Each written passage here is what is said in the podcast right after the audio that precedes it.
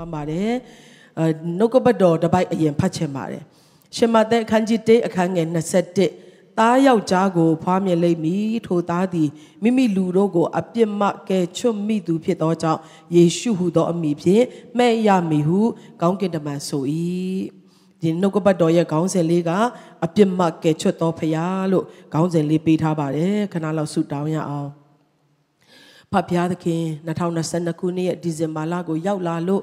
ခရစ်စမတ်ကိုကြိုဆိုခွင့်ရတာမဟုတ်ဘဲနဲ့ကိုရောပို့ဆောင်လို့သာလင်သားသမီးတို့ကဒီနှစ်ရဲ့ခရစ်စမတ်ကိုနှလုံးသားများကိုပြင်ဆင်လျက်ကြိုဆိုရတဲ့အခွင့်ရှိသောကြောင့်ယေရှုတော်ကိုချီးမွမ်းတယ်။ယနေ့မှလည်းသားသမီးတယောက်စီတိုင်းရဲ့အသက်တာထဲမှာကိုရောဖွင့်ပြမဲ့နှုတ်ကပတ်တော်ကိုကြိုဆိုကြပါတယ်။အတွင်းနှလုံးသားထဲထိအသက်တာရဲ့ခန္ဓာစိတ်ဝိညာဉ်ရိုးတွင်းခြင်းစီထိပြုပြင်သော ပြုစုသောနှုတ်ကပတ်တော်ဖြစ်စေပါယေရှုတော်ကိုချီးမွမ်းလေယေရှုနာမ၌လက်တော်ထဲမှာဆက်ကအနံဆုတောင်းပါတယ်ဖာဖျားခင် အာမင်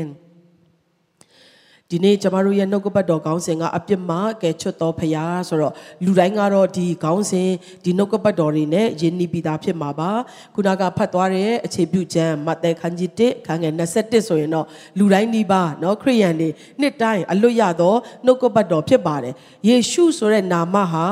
အတိတ်ပဲမရှိဘဲနဲ့ကြုံရပေးတာမဟုတ်ဘဲနဲ့အတိတ်ပဲပြေဝစွာပေးထားသောနာမည်ဖြစ်ပါတယ် ခရစ်တော်မမွေးဖွားခင်ကလေးကသူ့ရဲ့နာမည်ကပါလာပြီးသားနာမည်ကကြော်ညာပြီးသားဖြစ်တယ်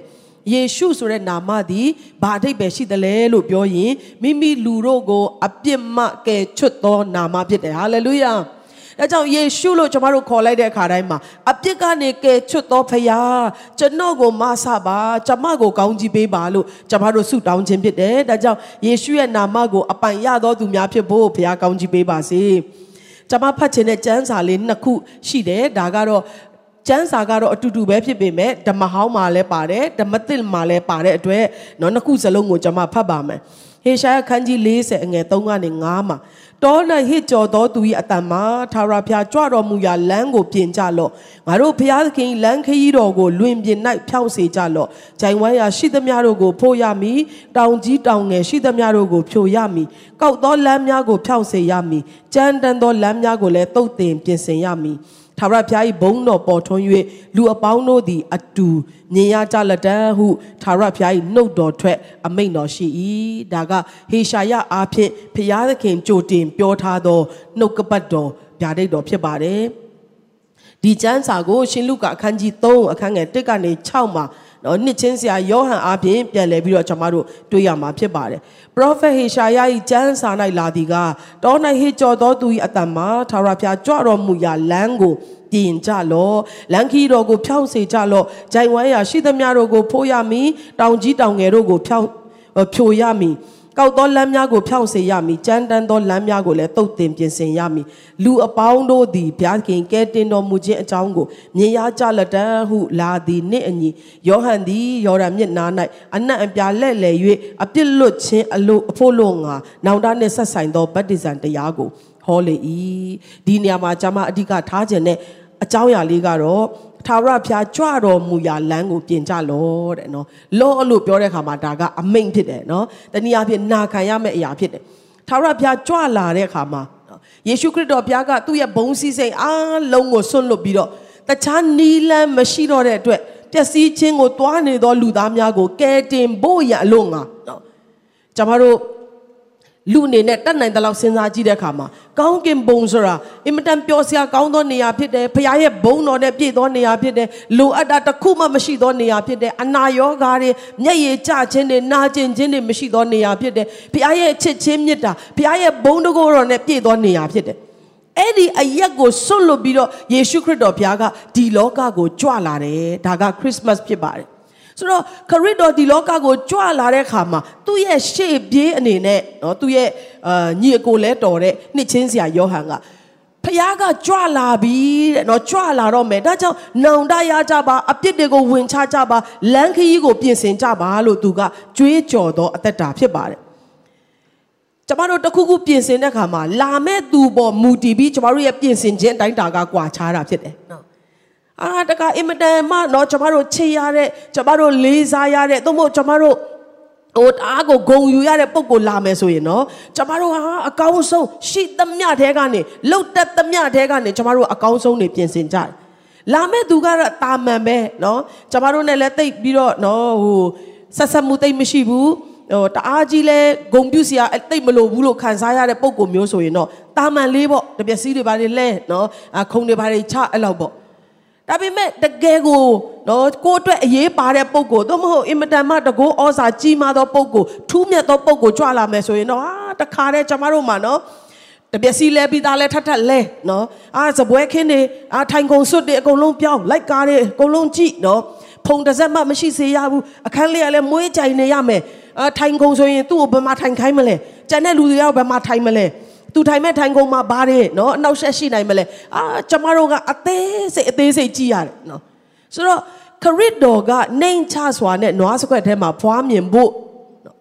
လာတာဖြစ်ပေမဲ့လူအနေနဲ့ကြည့်ရင်တော့ဟာမွေးစရာနေရာတော့မရဘူးเนาะအခန်းတော့မရဘူးလို့ပြောလို့ရပေမဲ့သူဟာအကြီးမြတ်ဆုံးသောဖရားဖြစ်တဲ့အခါမှာသူကြွလာရလန်ကီးကိုပြင်ဆင်ဖို့ရန်အတွက်နှုတ်ကပတ်တော်ကနှိုးဆော်ထားတယ်ဒီနေ့ခရစ်မတ်မှာကျွန်မကိုဘုရားခင်အသစ်တပံစကားပြောသောအရာကပြင်ဆင်ခြင်းဖြစ်တယ်เนาะ ကျွန်မတို့နှလုံးသားတွေကိုပြင်ဆင်ဖို့လိုအပ်တယ်ဟာလေလုယာလမ်းခရီးကိုပြင်ဆင်ပါဖះကြွလာတော့မယ်လို့ပြောတဲ့ခါမှာဒီဗိမ္မာန်တော်မဟုတ်ဘူးမြင်ရတဲ့နေရာတစ်ခုမဟုတ်ဘူးတင်းရဲ့အိမ်လှပတဲ့ decoration ပြင်ချင်းမပြင်ချင်းမဟုတ်ဘဲနဲ့တင်းရဲ့နှလုံးသားဘလောက်ပြင်ဆင်ထားတယ်လဲဆိုတာကနံပါတ်1အရေးကြီးတာဖြစ်တယ်ဘာကြောင့်လဲဆိုရင်ကြွလာတော်မူသောခရစ်တော်ကတင်းရဲ့နှလုံးသားထဲမှာဝင်ရောက်ခြင်းသောဖះဖြစ်တယ်တင်းရဲ့နှလုံးသားကိုစိတ်ဝင်စားသောဖះဖြစ်တယ် အခုတလောကျွန်မအဲ့ဒီနှလုံးသားဆိုတဲ့အရာနော်ကျွန်မတို့ရဲ့စိတ်နှလုံးပေါ့စဉ်းစားတွေးခေါ်ခြင်းနှလုံးသားလို့ပြောတဲ့အခါမှာနော်အဲ့ဒီအသေးပုံလေးတစ်ခုပဲမဟုတ်ပဲနဲ့ကျွန်မတို့ရဲ့စဉ်းစားတွေးခေါ်ခြင်းကျွန်မတို့ရဲ့နှလုံးသားအခြေခံတဲ့အရာတွေကိုတော်တော်လေးကျွန်မစိတ်ဝင်စားလေ့လာဖြစ်တယ်စဉ်းလက်စဉ်းစားဖြစ်တယ်ဆိုတော့ကျွန်မတို့ရဲ့နှလုံးသားကိုအနီးက zoom ဆွဲပြီးတော့နော်သေချာလေးကြည့်လို့ရမယ်ဆိုရင်ဘာတွေမြင်ရမယ်လို့ထင်လဲနော်ကျွန်မတို့ကကြည်ဟာလက်ပဲနော်ဘာမှတိတ်မထူးခြားဘူးလို့ထင်ရပြီမယ် zoom ဆွဲပြီးကြည့်လိုက်တဲ့အခါမှာအမွေးအမြင်လေးတွေမြင်ရမယ်ပြီးရင်ကျမတို့ဟို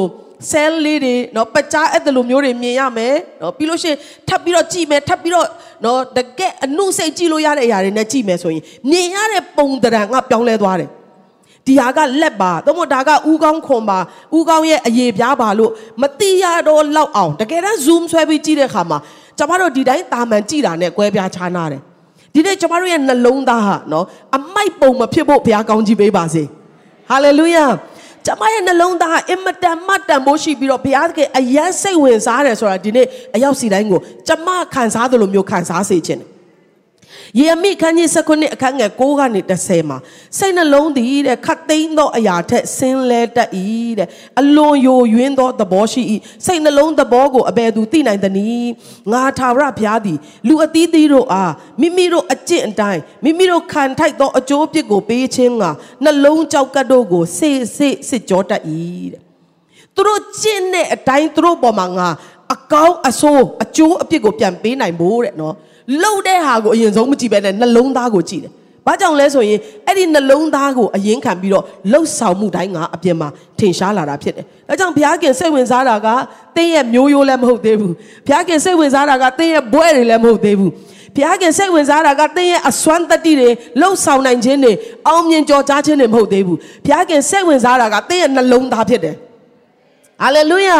သင်ရဲ့နှလုံးသားအခြေအနေကိုဘုရားကအယမ်းစိတ်ဝင်စားတယ်။ဒါကြောင့်ဒီຢာကိုတကယ်နားလည်တယ်ဆိုရင်လူတိုင်းဟာကောင်းစားနိုင်ခွင့်ရှိသလိုလူတိုင်းဟာပျက်စီးနိုင်သောသူတွေဖြစ်တယ်။ကျမတို့ရဲ့နှလုံးသားကိုကျမတို့အထူးဆောက်ရှောက်ဖို့ရန်အတွက်အယမ်းရေးကြည့်တာဖြစ်တယ်။လူတစ်ယောက်ရဲ့အချုပ်ချာကသူ့ရဲ့နှလုံးသားပဲ။အဲ့ဒီနှလုံးသားကအင်မတန်တန်ဖိုးရှိတယ်။အထဲမှာကျမတို့ကကြိုက်တာထည့်လို့ရတယ်။ တန်တန်ရှင်းရှင်းတတရရနဲ့ခရစ်တော်ကြွလာတဲ့ခါမှာအစင်ပြေသောနှလုံးသားမျိုးနဲ့ထားမလားသို့မဟုတ်တခြားຢာတွေထည့်ထားမလားဆိုတာကဒီနေ့သင်ရဲ့ရွေးချယ်ချက်ဖြစ်တယ်နော်ဒါကြောင့်လူတယောက်ကငါမကောင်းစားတာဟိုလူကြောင့်ဒီလူကြောင့်လို့ပြောခွင့်မရှိဘူးသင်ရဲ့နှလုံးသားကောင်းစားတဲ့အတိုင်းသင်ကကောင်းစားမှာဖြစ်တယ်ဟာလေလုယာအဲကြောင့်နှလုံးသားပြင်ဆင်ခွင့်ရတာကဘုရားခင်ပေးသောကြီးမားသောကောင်းကြီးမင်္ဂလာဖြစ်တယ် နှုတ်ကပတ်တော်တွေကိုကျွန်မကြည့်လိုက်တဲ့အခါမှာတောင်ပေါ်ဒေသနာမှာဆိုရင်နော်ဘုရားကဘယ်လောက်ထိလူတွေရဲ့နှလုံးသားကိုစိတ်ဝင်စားလဲဆိုတော့စိတ်နှလုံးနှိမ်ချတဲ့လူတွေကမင်္ဂလာရှိတယ်တဲ့အကြောင်းမူကားကောင်းကင်နိုင်ငံတော်ဟာစိတ်နှလုံးနှိမ်ချသောသူတွေရဲ့နိုင်ငံတော်ဖြစ်တယ်တဲ့စိတ်မသာညှိတွားသောသူတွေစိတ်ခံစားချက်တွေပဲပြောထားတယ်နော်စိတ်မသာညှိတွားသောသူတွေကမင်္ဂလာရှိတယ်အကြောင်းမူကားအဲ့ဒီလူတွေကသက်သာခြင်းခွင့်ကိုရမယ်စိတ်နူးညံ့တိမ်မွေ့သောသူတွေကမင်္ဂလာရှိတယ်အကြောင်းမူကားသူတို့ဒီပြည်တော်ကိုအမွေခံရမယ် ရမယ့်အရာတွေအားလုံးကဘာကိုအခြေခံလဲဆိုတော့နှလုံးသားရဲ့အခြေအနေကိုအခြေခံတယ်နော်နားလည်နိုင်ဖို့ဘုရားကောင်းကြီးပေးပါစေစိတ်နှလုံးဖြူစင်သောသူတို့ဒီမင်္ဂလာရှိတယ်အကြောင်းမူကားသူတို့ဒီဘုရားသခင်ကိုမြင်ရကြမယ်တဲ့ဘုရားသခင်ကဟိုလူကိုပဲပြပြီးဒီလူကိုမပြတာမဟုတ်ဘူးနော်ဘုရားရဲ့အဖြစ်တော်အားလုံးကိုမြင်ရဖို့ဆိုရင်သင်ရဲ့စိတ်နှလုံးသားအခြေအနေနဲ့ဆိုင်တာဖြစ်တယ်ဟိုးတောထဲမှာဘသူမှမမြင်တဲ့တိုးချောင်းသားတွေလည်းဘုရားကစိတ်ဝင်စားတယ်သ င်ကဟာငါလူဖြစ်လာတာအခြေမြင့်မရှိတော့ငါကမကောင်းတဲ့မိမတွေကနေမပြောပါနဲ့တင်းရဲ့နှလုံးသားမှန်ကန်နေတဲ့၍တင်းဟာဘုရားကိုမြင်ခွင့်ရှိတော်သူဖြစ်တယ်ဟာလေလုယာဟာလေလုယာကျိုးပဲ့သောစိတ်ရှိသောသူတို့နဲ့နှလုံးကြေကွဲသောသူတို့နဲ့ဖျားနီးတယ်တဲ့နော်။နောင်တရှိ၍စိတ်နှိမ်ချသောသူတို့ကိုလည်းကဲတင်တယ်တဲ့။ကဲစိတ်ရဲ့အခြေအနေတွေကြီးပဲနော်။တရားတော်ကိုနှိမ်ညာမပြတ်စင်ချင်းအောင်းမဲ့သောသူဟာမင်္ဂလာရှိတယ်။ပြုလေသမျှမှာအောင်မြင်မယ်တဲ့။ တင်စင်းစားတဲ့ဟာတွေနော်။ဟာငါကတော့ကံမကောင်းတဲ့လူပဲငါကတော့ဆုပ်ယုပ်တဲ့လူပဲငါကတော့လုံးဝကိုအောင်မြင်ဖို့လမ်းကြောင်းပေါ်မှာမရှိတော့ဘူးငါကတော့အသက်တုံမဲ့ထင်တယ်ငါကတော့မချမ်းမာတော့ဘူးငါကတော့ရုပ်ရော့နေပြီငါကတော့အားငယ်စရာပဲအဲ့ဒီစာတန်ထဲတဲ့အတွေးခေါ်သို့မဟုတ်ကျမတို့အသွေးသားကတွန်းပိုးတဲ့အတွေးခေါ်တွေကျမတို့ကပြုစုနော်အဲ့ဒီနှလုံးသားထဲမှာထည့်ထားအမြင့်တွယ်ခိုင်းနေရပေး ငါအားငယ်မှာပေါ့ငါရဲ့ဘဝကဒီလိုဖြစ်နေတာလေစိတ်ပြက်မှာပေါ့ငါတို့အခြေအနေကဒီလိုဖြစ်နေတာလေတက်သေးတွေထူးပြီးတော့ကျမတို့ကအကြီးကျယ်အဲ့ဒီနှလုံးသားထဲမှာကျမတို့ရဲ့အပြင်မှာထင်ရှားလာမဲ့အရာအားလုံးရဲ့အရေးမြစ်ဖြစ်တဲ့အဲ့ဒီနှလုံးသားထဲမှာကျမတို့ကအမိုက်လာရင်မဖယ်ဘူးနော်မကောင်းတဲ့ဟာတွေပေါက်ရင်လည်းမနှုတ်ပစ်ဘူးသူဟာနဲ့သူကြီးထွားခိုင်းတဲ့ခါမှာအဆုံးမှာကျမတို့ကမကောင်းသောအပင်ရဲ့အသီးတွေကိုပဲစားရတော့တက်တာဖြစ်သွားတယ်။ ဒါကြောင့်ဒီနေ့ကျမတို့ကကြီးမားသောဘုရားရဲ့အခွင့်အရေးကိုရတော်သူတွေဖြစ်တယ်။ဟာလေလုယာ။ဒါကတော့နှလုံးသားကိုကျွန်တော်တို့ကပြုစုခွင့်ရှိတယ်။တင်ဒီအမှုရောက်သောကာလ၌စိတ်ပြတ်တယ်ဆိုရင်အားနည်းသောသူဖြစ်တယ်တဲ့။ကဲဟာအမှုရောက်နေတာလေစိတ်ပြတ်မှာပေါ့ပြဿနာနဲ့ကြုံရတာလေငါစိတ်ပြတ်မှာပေါ့ဒါတဘာဝပဲလို့မပြောနဲ့တဲ့အမှုရောက်တဲ့ကာလစိတ်ပြတ်သောသူဟာအားနည်းသောသူဖြစ်တယ်တဲ့လူဒီမိမိစိတ်ထင်တဲ့အတိုင်းဖြစ်တယ်တဲ့ သခင်ယေရှုကိုစိတ်နှလုံးနဲ့ယုံကြည်ပြီးနှုတ်နဲ့ဝင်ခံရင်ကယ်တင်ခြင်းကိုရတယ်တဲ့စိတ်နှလုံးကောင်းစားတဲ့ကဲ့သို့အရာရာမှာကောင်းစားခြင်းနဲ့ကျမ်းမာခြင်းရှိတယ်တဲ့နှလုံးဟာအသက်ရဲ့အခြေမြစ်ဖြစ်တယ်တဲ့ကဲနော်ကျမ်းစာတွေတော့အတိအကျမဖတ်တော့ဒါတွေကနှုတ်ကပတ်တော်ဖြစ်တယ်နော်အဲကြောင့်ကျွန်တော်တို့ကောင်းစားဖို့ရန်အတွက်လည်းဒီနှလုံးသားပဲမကောင်းစားဖို့ရန်အတွက်လည်းဒီနှလုံးသားပဲလွန်မြောက်ဖို့ရလဲဒီနှလုံးသားပဲမလွန်မြောက်ဖို့ရလဲဒီနှလုံးသားပဲဆိုတော့ ကျမတို့ရဲ့တယောက်တစ်ခုစီပိုင်ထားတဲ့အဲ့ဒီနှလုံးသားကိုကောင်းမွန်စွာစောင့်ရှောက်တော်သူများဖြစ်ဖို့ဘုရားကောင်းကြီးပေးပါစေကြွာလာတော်မူသောခရစ်တော်နေရာယူချင်တာကတင်းရဲ့အုံနောက်မှာမဟုတ်ဘူးကြွာလာတော်မူသောခရစ်တော်နေရာယူချင်တာကတင်းရဲ့ဘွဲလက်မှတ်တွေပေါ်မှာမဟုတ်ဘူးတင်းရဲ့နှလုံးသားထဲမှာဖြစ်တယ်ဟာလေလုယာကျမတို့အားလုံးမှာနှလုံးသားကိုယ်စီရှိတယ်အဲ့ဒီနှလုံးသားထဲမှာခရစ်တော်ကိုနေရာပေးဖို့ရန်အတွက်လိုအပ်တာဖြစ်တယ် ခရစ်တော်ကြွလာပါလို့မပြောခင်မှာကျမတို့ကဟာအကြီးမြတ်ဆုံးသောခရစ်တော်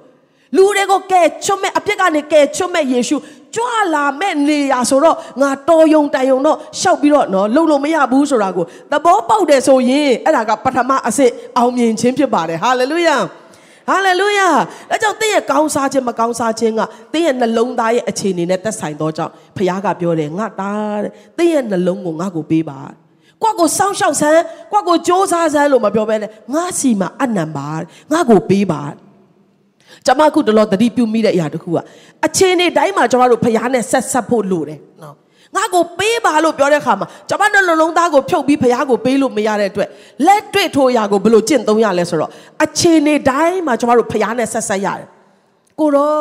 လူတယောက်ကတော့သမီးကိုတော့ပြစ်တင်ရှုံချနေပြီလက်ညှိုးထိုးနေပြီကိုတော့ဘာကြောင့်ဒီအချင်းတွေကိုကြုံတွေးစေတာလဲ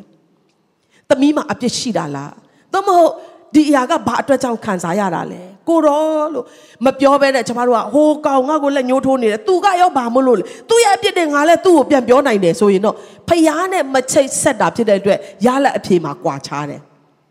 လူတချို့အသင်ကိုချီးမြှောက်လာတဲ့အခါမှာချီးမွမ်းလာတဲ့အခါကိုတော့ကိုတော့နာမကြောင့်ကိုတော့ရဲ့ဂျေဇုတော်ကြောင့်သမီးကတော့ချီးမြှောက်ခြင်းခံရတယ်လို့ဖခင်နဲ့မချိတ်ဆက်ပဲနဲ့ငါတော်လို့နော်ငါကျွမ်းလို့ငါကလှုပ်တက်လို့ငါကပေးနိုင်လို့ငါကစိုးတက်လို့ဖြစ်လာတဲ့အခါမှာအဲ့ဒီဖခင်နဲ့မချိတ်ဆက်ခြင်းချိတ်ဆက်ခြင်းကရလက်အဖြစ်တွေအားလုံးကိုကွာခြားသွားစေတာဖြစ်တယ်အဲကြောင့်ယနေ့ကျွန်တော်တို့ရဲ့နှလုံးသားဖခင်ကိုအမြဲတမ်းပေးတော်တတ်တာဖြစ်ဖို့ရန်အတွက်အရောက်စီတိုင်းကိုဖခင်ကောင်းချီးပေးပါစေ။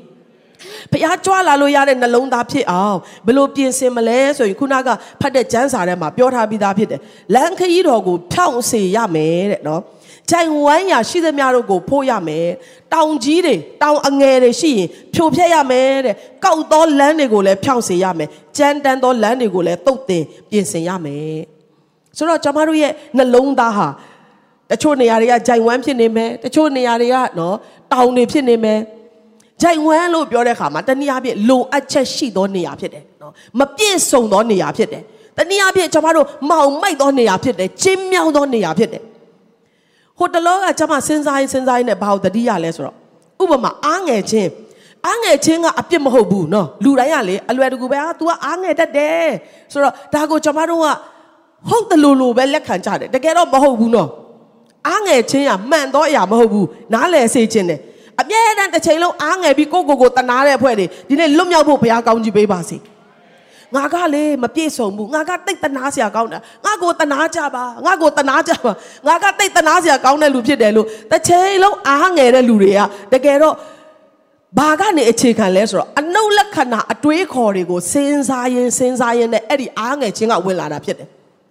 ငါကဘာမှမလုပ်တတ်ဘူးငါကရုပ်ဆိုးတယ်ငါကပညာမတတ်ဘူး ငါကမျက်နှာတာမရဘူးငါကဒီနေရာမှာတော့နောက်ဆုံးမှာပဲအမြဲတမ်းနေရတော့သူဖြစ်တယ်အနုလက္ခဏာအတွေးခေါ်တွေကိုကျွန်တော်တို့ကနေရာပေးနေရာပေးနေရာပေးလာတဲ့အခါသူ့ရဲ့အသီးပွင့်ကဘာဖြစ်လာလဲဆိုတော့အားငယ်ခြင်းနဲ့ထင်ရှားလာဆိုတော့အားငယ်တယ်ဆိုတဲ့ဟာကတော့လူတွေအမြင်မှာကြည့်လို့ရှိရင်ဆိုးရွားသောပြစ်မှုမမြောက်တော့လဲတဲ့ရဲ့ကောင်းကြီးကိုပိတ်တာကအဲ့ဒီအားငယ်ခြင်းဖြစ်တတ်တယ်ဒီနေ့အဲ့ဒီဂျိုင်ဝမ်းတွေကိုဖို့တော့တတ်တာဖြစ်ဖို့ဘုရားကောင်းကြီးပေးပါစေ။ ငါကရုပ်ဆိုးလိုက်တာနော်ငါကမပြည့်စုံဘူးလို့ပြောမဲ့စားဖခင်ကသူ့ရဲ့တဒံတော်နဲ့ညီငါကိုဖန်ဆင်းထားတာငါကတိတ်ပြီးတော့တန်ဖိုးရှိတော်သူဖြစ်တယ်ငါသာတန်ဖိုးမရှိဘူးဆိုရင်ခရစ်တော်ကကြွလာပါမလားလက်ဝါးကတိုင်းမှာအသေးခံပါမလားဒီလောက်ထိငါကိုတန်ဖိုးထားတော်ဖခင်ရဲ့သားသမီးဖြစ်တယ်နော်ကြိုင်ဝမ်းကိုကျွန်တော်တို့နှုတ်ကပတ်တော်နဲ့ဖို့လာတဲ့အခါမှာကျွန်တော်တို့အသက်တာကခရစ်တော်ကြွလို့ခရစ်တော်ဝင်လို့ရတဲ့အသက်တာဖြစ်လာတယ်ဟာလေလုယာထို့အတူပဲကျွန်တော်တို့ရဲ့အသက်တာမှာ တောင်တွေရှိတတ်တယ်နော်တောင်ထိပ်မှာနေရတာတော့တိတ်ပျော်စရာကောင်းတာပေါ့နော်တောင်ထိပ်မှာရှိခြင်းအတွေ့အကြုံအာလူတိုင်းကလိုချင်ကြတယ်အောင်မြင်ခြင်းနော်အာတခါတည်းထိတ်ဆုံးကိုရောက်ခြင်းဒါပေမဲ့ကျမတို့ရဲ့အသက်တာမှာအဲ့ဒီအောင်မြင်ခြင်းနေသည်လည်းပဲဖခင်ရဲ့ရှေ့မှာကျမတို့နော်ပြန့်သွားစေရမယ်ဖခင်ရဲ့ရှေ့မှာဖြိုဖျက်ရမယ့်အရာတွေဖြစ်တယ်ငါရဲ့အောင်မြင်ခြင်းအားလုံးကဖခင်ကြောင့်ဖြစ်တယ်ငါရဲ့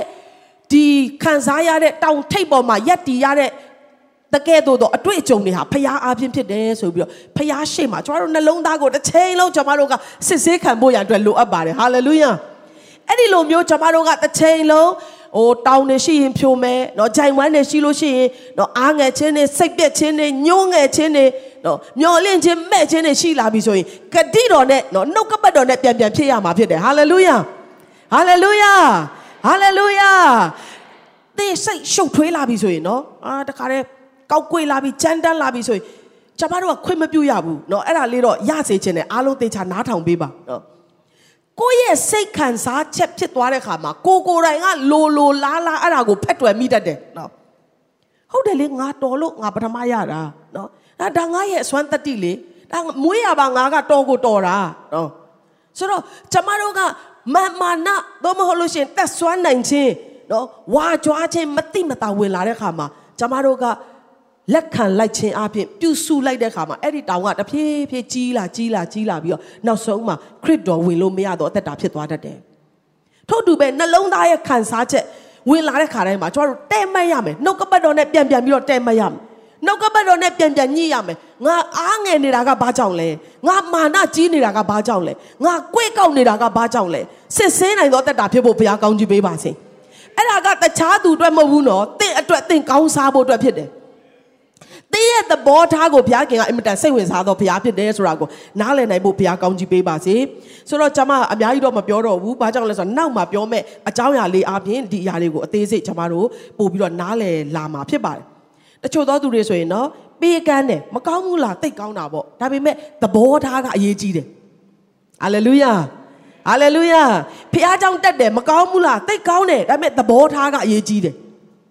ဆူတောင်းအားကြီးတာမကောင်းဘူးလားတိတ်ကောင်းတယ်ဒါပေမဲ့နှလုံးသားရဲ့သဘောထားကအရင်ရေးကြီးတယ်လူတွေအမြင်မှာတော့ तू လဲဆူတောင်းတယ် तू လဲဆူတောင်းတယ် तू လဲဆူတောင်းတယ်ဒါပေမဲ့အแทမှာရှိတဲ့အတွင်းသဘောနော်သူ့ရဲ့ဒီဟာကိုလှုပ်ဆောင်တဲ့စိတ်နေသဘောထားကကွာခြားတယ်ဆိုရင်ရလက်အဖြေမှာအများတန်းကွာခြားတယ်ရလက်အဖြေမှာအများတန်းကွာခြားတယ်နော်သူလဲ worship ဦးဆောင်တယ်သူလဲ worship ဦးဆောင်တယ်သူလဲ worship ဦးဆောင်တယ် သူလဲဆက်ကတ်တာပဲသူလဲဆက်ကတ်တာပဲဒါပေမဲ့အတွင်းသဘောထားအရာရလက်အဖြေမှာကွာခြားတယ်နားလည်နိုင်ဖို့ဘုရားကောင်းကြီးပေးပါစေယုံကြည်သူများဘုရားသားသမီးများဒီနှစ်ခရစ်မတ်မှာကျွန်တော်တို့တွေအားလုံးအင်မတန်မှယိုယွင်းလွယ်တော့ကျွန်တော်တို့ရဲ့နှလုံးသားကိုခရစ်တော်ကြွမဲ့လမ်းဖြစ်တယ်ဆိုတာနားလည်လျက်အမြဲတမ်းပြင်ဆင်သောတတ်တာအမြဲတမ်းပြုစုသောတတ်တာအမြဲတမ်းရှင်းလင်းသောတတ်တာဖြစ်ဖို့ဘုရားကောင်းကြီးပေးပါစေ ကြွမဲ့သူကနေနေရမဟုတ်ဘူးအမြင့်ဆုံးသောဘုရားကကြွဝင်လာမှာဖြစ်တယ်ဟာလေလုယာဟာလေလုယာခရစ်တော်တကယ်ရောက်လာတဲ့အခါမှာနွားတင်းကုတ်မှာလည်းကောင်းကြီးရှိလာတယ်ရွှေတွေငွေတွေလောဘန်တွေမှုရန်တွေအိုးအများကြီးပဲရောက်လာတယ်နော်အာပညာရှိတွေလည်းရောက်လာတယ်တိုးချောင်းသားတွေလည်းရောက်လာတယ်အင်မတန်မှတချင်းဆိုတော်တဲ့ကောင်းကင်တမန်တွေလည်းရောက်လာတယ်ဟာလေလုယာဟာလေလုယာဒါကြောင့်ကျွန်မတို့ကဟိုရာဒီရာလိုက်ရှာဖို့မဟုတ်ပဲနဲ့ သားတော်နေတကွခတ်သိမ်းသောຢာကိုပေးတယ်လို့ပြောတဲ့အတွက်အဲ့ဒီသားတော်ဒီဟုသောကဲတင်သောအရှင်ဟာငါရဲ့နှလုံးသားထဲမှာတကယ်မွေ့လျော်ပါရဲ့လားဆိုတာကိုနေ့တိုင်းစမ်းစစ်ရအောင်ကျေးဇူးပြုအနားမှာရှိရလို့ပြောပေးပါအောင်နော်။တင့်ရဲ့ကောင်းကြီးကသူများနဲ့မဆိုင်ဘူးတင်နဲ့ပဲဆိုင်တယ်လို့ပြောရအောင်။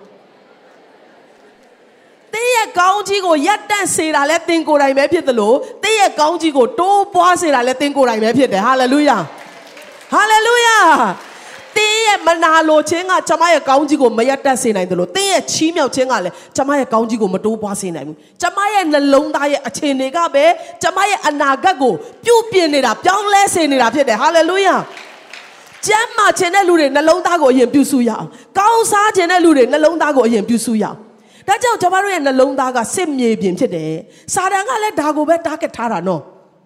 ဒီခံစားချက်ကိုပဲဒီနှလုံးသားရဲ့အခြေအနေကိုပဲသူကလည်း target ထားတာဒါကြောင့်တတိရှိဖို့ရန်အတွက်အထူးပဲလိုအပ်ပါတယ်ဓမ္မရာဇဝင်ဒုတိယဆောင်မှာရှိတဲ့အဖြစ်အပျက်လေးတစ်ခုကိုကျွန်မကြည်ရင်းနဲ့အခုပြောသွားတဲ့နှုတ်ကပတ်တော်တွေကိုထပ်မံပြီးတော့ကျွန်မတို့အာရှင်းလင်းစွာနားလည်နိုင်ဖို့လေ့လာသွားရအောင်ဒါကရှင်ဘုရင်ဒါဝိဒ်ရဲ့အကြောင်းဖြစ်ပါတယ်ဒါဝိဒ်ဆိုတာကဘုရားကစိတ်တော်နဲ့တွေ့တော်သူ အိုးတကယ်ပဲတိုးချောင်းသားလေးဖြစ်ပေမဲ့ဖခင်ကလုံးဝမေ့မထားပဲနဲ့အဖေကိုယ်တိုင်ကရှင်ဘရင်ဖြစ်ဖို့နော်အာစီနဲ့ပိတ်သိပ်ဖို့လာတဲ့ယေဘရဟိတ်ကြီးကခေါ်ခိုင်းတဲ့အခါမှာမေ့လျော့တော်သူအကိုတွေကလည်းမေ့ငိမ့်ငိမ့်နေဂေါလျက်လိုလူကိုနေဘာမှနော်ရှောက်ပြောမနေနဲ့ငါတို့တောင်မနိုင်ဘူးဆိုပြီးတော့အထင်သေးချင်းခံရတော်သူဒါပေမဲ့အဲ့ဒီနေရာကနေဘုရားကကြီးမားစွာချီးမြှောက်ပြီးတော့ကျမ်းစာကဘာပြောလဲထာဝရဘုရားရဲ့စိတ်တော်နဲ့တွေ့တော်သူလို့ပြောတယ် အင်မတန်မှလေးစားစရာအတုယူစရာအသက်တာပြည့်စုံသောဒါဝိဒ်ဖြစ်တယ်ဒါပေမဲ့နှလုံးသားမှာတော့နော်ကျွန်တော်တို့သင်ယူစရာသူ့ရဲ့အသက်တာမှာလည်းအများကြီးရှိတယ်ဒီနေ့ဒီမှာအားလုံးထိုင်ကြတယ်တချို့တွေကိုလူတွေကလူဆိုးလို့သတ်မှတ်မယ်တချို့တွေကလူကောင်းလို့သတ်မှတ်တချို့တွေကအာတကယ်ပဲစင်ကြယ်တော်သူလို့လူတွေသတ်မှတ်တချို့တွေကအမှုတော်ဆောင်တွေဖြစ်ကြမယ်တချို့တွေကကျမ်းစာကြောင်းဆင်းတွေဖြစ်ကြမယ်ဒါပေမဲ့လူတိုင်းနေ့စဉ်တိုက်ပွဲဝင်ရတာကဒီနှလုံးသားဖြစ်တယ်နော်နှလုံးသားဖြစ်တယ် အလွန်ယိုယွင်းသောသဘောရှိတယ်အခုခဏကောင်းပေမဲ့ခဏမှမကောင်းတော့ဘူးတင်းချိုင်းတွင်းနဲ့တူတယ်တဲ့အပြင်မှာတော့အဖြူရောင်တုတ်ထားပေမဲ့အထဲမှာတော့ပုတ်ပွားနေတယ်တဲ့ကဲကျမတို့တွေအားလုံးအတူတူပဲနော်ဒါပေမဲ့ဂျေဇူးတော်ကြောင့်ကျမတို့ကထိုရတွေကိုရှင်းလင်းသောနော်ရွေးချယ်သောကောင်းတာကိုပဲထဲဖို့ရွေးချယ်ပိုင်ခွင့်ရှိသောအသက်တာရတာကတကယ်ပဲဘုရားရဲ့ကောင်းခြင်းမင်္ဂလာဖြစ်တယ်တခါမှာတော့တဲ့နော် ရှင်မင်းနေစစ်တက်ရတဲ့အချိန်ရောက်လာတဲ့ခါမှာဒါဝိဒ်ကရွာပါနဲ့သူ့ရဲ့ကျွန်နေဣသေလလူတွေအားလုံးကိုရှေ့တန်းကိုလွတ်လိုက်တယ်အမုံမျိုးသားတို့ကိုတိုက်ဖျက်၍ရာဘာမြို့ကိုဝိုင်းထားကြ၏ဒါဝိဒ်ဒီကိုယ်တိုင်ယေရုရှလင်မြို့မှနေလေ၏တဲ့သူကလိုက်မသွားဘူးရှေ့တန်းကိုလိုက်မသွားဘဲနဲ့နန်းတော်ထဲမှာနေတဲ့ခါမှာနောက်တနေ့ညဥ်ရ၌ဒါဝိဒ်သည်လျောင်းဆက်ရာမှာထား၍နန်းတော်မိုးပေါ်မှာဇင်းကြံသွားစင်တွင်အလွန်အစင်းလာသောမိမတယောက်ရေချိုးသည်ကိုမြင်တော်မူ၏တဲ့ကဲနော်ဇက်လန်းကအဲ့မှာစတယ် ကျမတို့ရဲ့နှလုံးသားကိုယိုယွင်းစေတဲ့အရာကအာယုံ၅ပါးဖြစ်တယ်တခြားအပေါက်ကနေမဝင်ဘူးဒီနှလုံးသားကိုဘယ်အပေါက်ကနေပြီးတော့ကောင်းသောရမကောင်းသောရဝင်လဲလို့ပြောရင်အာယုံ၅ပါးကနေပဲအမြဲတမ်းလာတယ်နန်းတော်စင်းကြံပေါ်မှာရှင်ဘရင်လမ်းလျှောက်တယ်အဲ့ဒီအမျိုးသမီးကလည်းဘယ်လိုနေရာမှာဘယ်လိုရေချိုးလဲမပြောတတ်ဘူးเนาะသူတို့ခက်ကဘယ်လိုတွေသုံးလဲခေါင်မိုးပေါ်တက်ချိုးတာလားဘယ်လိုချိုးတာလဲတော့မပြောတတ်ဘူး ဖြစ်ချင်တော့တိုက်တိုက်ဆိုင်ဆိုင်ဒါဝိဒ်ကသွားတွေ့တယ်တွေ့တဲ့အခါမှာတဲ့ထိုမိမကအဘယ်သူနည်းဟုစေလွတ်၍မေးမြန်းလျင်စမင်းတို့ကတော့ဘသူလဲနော်စလာတယ်အေလျံသမီးဟိတ်တိလူဥရိယ၏မယားဘာသရှေဘဖြစ်ပါသည်ဟုလျှောက်လေ၏ information ကတော့အပြည့်စုံပဲအပြိုမဟုတ်ဘူးလင်ရှိသောမိန်းမဖြစ်တယ်ဘသူရဲ့သမီးဖြစ်တယ်ဘသူရဲ့မိန်းမဖြစ်တယ်ဆိုတော့စရင်ကအတိအကျတက်လာတယ် အဲ့ဒီမှာဒါဝိဒ်ကရဲ့ရင်ကောင်းတယ်နော်။အော်သူ့မှာ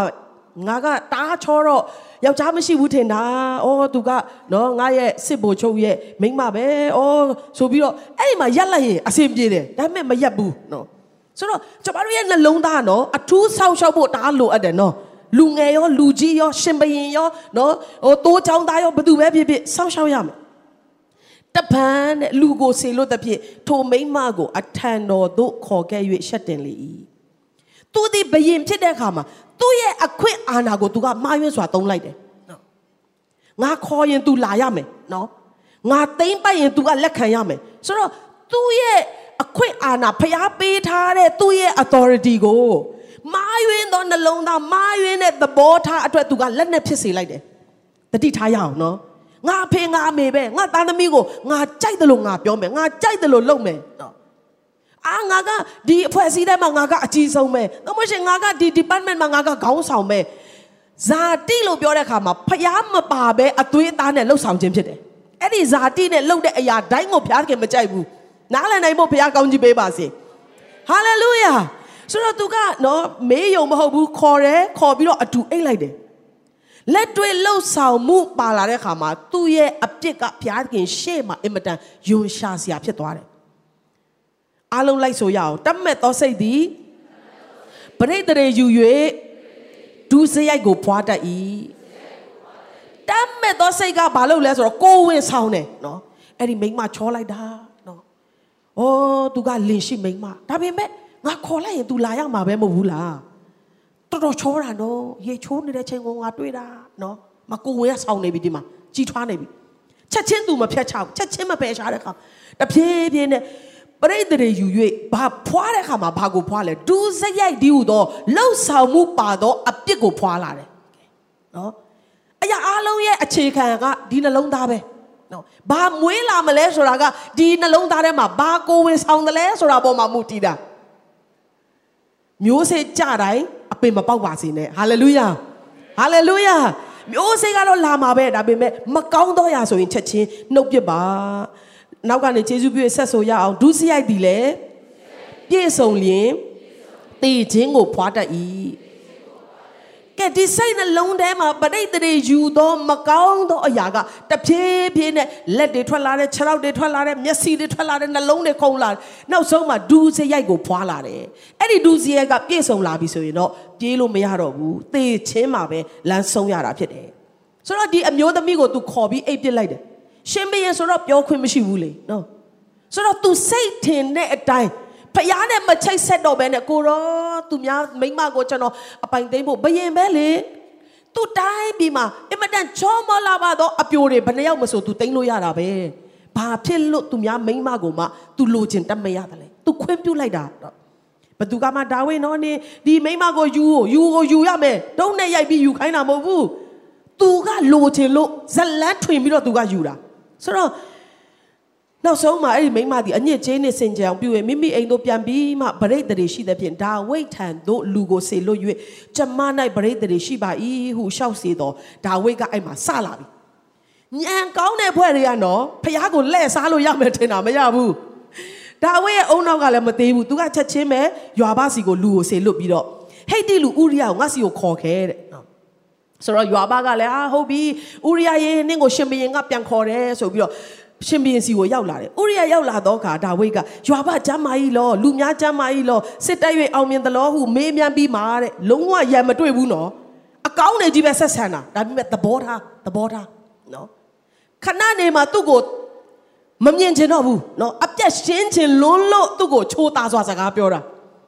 ဒီနေ့တင်းရဲ့လောက်ဆောင်မှုတဲ့တင်းရဲ့သဘောထားကအရင်ရေးကြီးတယ်ဖျားတကယ်စိတ်ဝင်စားတာကတင်းရဲ့နှလုံးသားရဲ့သဘောထားကိုဖြစ်တယ် ဟာလေလုယာဟာလေလုယာကျမကနှုတ်ကပတ်တော်ဟောတယ်အာလူတွေခွန်အားရပါစေအာမင်များများရပါစေလိုက်များများရပါစေလွဲပြီသဘောထားလွဲပြီနော်ဖခင်ဘာပြောခိုင်းတယ်လဲဆိုတာကိုပြောဖို့ကကျမရဲ့တာဝန်ဖြစ်တယ်ဟာလေလုယာဟာလေလုယာဒါကြောင့်ကျမတို့ကနော်အာတခါတည်းငါလုတ်တက်နေပါပြီငါပြောတတ်နေပါပြီငါဟောတတ်နေပါပြီငါဆိုတတ်နေပါပြီနော်ဒီမိသားစုဦးဆောင်လာတော့ကတော့ဖခင်မလိုပါဘူး အဲ့ဒီသဘောထားပေါ်မှာအခြေခံပြီးသွားတယ်ဆိုရင်တော့လောက်တာကအတူတူပဲဖြစ်ပေမဲ့ကြာလာတဲ့ခါမှာရလက်ဖြေမှာအင်မတန်ကွာခြားတယ်ဒါဝိကနေကောင်းရဲ့လားရှေ့ထဲမှာရောအဆင်ပြေကြလားအောင်မြင်လားနော်ဟာငါရဲ့ညီကိုယွာဘရောအဆင်ပြေရဲ့လားအာတခါလေချိုးသားစွာနဲ့အဲ့ခံတင်းအိမ်တို့တွား၍ခြေဆေးလောဟုမိန်တော်မူသည့်အတိုင်းဥရိယသည်နန်းတော်ထဲမှထွက်၍သူ့နောက်မှာခဲပွဲစားပွဲကိုရှင်မရင်ပေးလိုက်၏အမလေးသဘောကောင်းလိုက်တာနော် ဒုတ်တွေဓာတ်တွေနဲ့မကြိုဆိုဘူးအရက်သဘောကောင်းတာစားစရာတောက်စရာတွေကိုပါအနောက်ကနေပို့ပေးလိုက်သေးတာအိမ်ပြန်နော်ဘာဖြစ်လို့လဲ तू လောက်ထားတဲ့အကွက်တွေကပေါ်နေပြီလေနော်ဆိုတော့အဲ့ဒါကို तू ကခေါင်းရှောင်ပြီးတော့ခါတယ်နော်သူ့မိမရဲ့ကိုဝင်ဟာဒီယောက်ျားကြောင့်ပါလို့ပြောချင်တဲ့ခါကျတော့အတင်းကို तू ကနှင်လွတ်တော့တာအိမ်ကိုလေလှုပ်ဆောင်မှုကတော့တိတ်ကောင်းတယ်ရည်ရွယ်ချက်နှလုံးသားလွယ်တတ်တယ် ဒီနေ့ကျွန်တော်တို့လူတွေကိုပြုံးပြနှုတ်ဆက်တဲ့ခါမှာအတွင်းထဲကနေစစ်မှန်တဲ့ကောင်းမွန်တဲ့သဘောထားနဲ့ပြုံးပြရအောင်လူတွေကိုပြုစုတဲ့ခါမှာမှန်ကန်သောနှလုံးသားနဲ့ပြုစုရအောင်လူတွေနဲ့ဆက်ဆံတဲ့ခါမှာကောင်းတာကိုလှုပ်တာတော့မဟုတ်ပဲနဲ့မှန်သောသဘောထားနဲ့လှုပ်ဆောင်ရအောင်ဘုရားကျောင်းလာတဲ့ခါမှာအော်ငါတပတ်လုံးလုံးစိုးပေမဲ့တနင်္ဂနွေနေ့တော့ဘုရားကျောင်းတက်ပါတယ်လေမစိုးပါဘူးခံစားချက်လေးကောင်းတာပေါ့မဟုတ်ပဲနဲ့နော်စာငတ်သောနှလုံးသားနဲ့ကြီးမြတ်သောဘုရားကိုကိုးကွယ်ဖို့ဆိုတဲ့သဘောထားနဲ့လာရအောင်ဟာလေလုယာ ဟာလေလုယာပေးလူတဲ့ခါမှာလူတွေမြင်အောင်ငါအထုပ်ကြီးကြီးထည့်မယ်အာမန်ဘီယိုကြီးထဲမှာငါပြစ်ချလိုက်မယ်မဟုတ်ပဲနဲ့အော်ငါကိုဘုရားကြီးမဆိုကောင်းကြီးပေးထားတာဒါတွေအားလုံးကအရေးမြစ်ကဘုရားပဲငါကိုကောင်းကြီးပေးတဲ့ဘုရားကိုငါအတက်နိုင်ဆုံးအကောင်းဆုံးပြန်ပူဇော်မယ်သဘောထားသာမှန်ကန်ကြည့်ဘုရားကကြီးမားသောကောင်းကြီးကိုပြန်လဲရိတ်သိမ်းစေမှာဖြစ်တယ်ဟာလေလုယာဘုရားခင်ကျင်းဝိမဲ့နှလုံးသားဖြစ်တဲ့အတွက်ကျွန်မတို့ကအမြဲတမ်းသဘောထားကိုစစ်ဆေးရမယ်ကျွန်မအမေကဘာပြောလဲဆိုတော့ ကျွန်မတို့ငယ်ငယ်တုန်းကပေါ့မုံရအတင်းတော်စတဲ့အခါမှာဒီဟာကိုတင်တန်းဘုရားကပေးတဲ့အခါမှာလေဘလောက်ထိကျွန်မတို့ကိုအသေးစိတ်ဘုရားကသွားခိုင်းလဲဆိုတော့ဒီတစ်ခေါက်အမေနဲ့ပြောပြီးကျွန်မတို့တတိယပြီးရည်ကြတယ်အမေကဟာ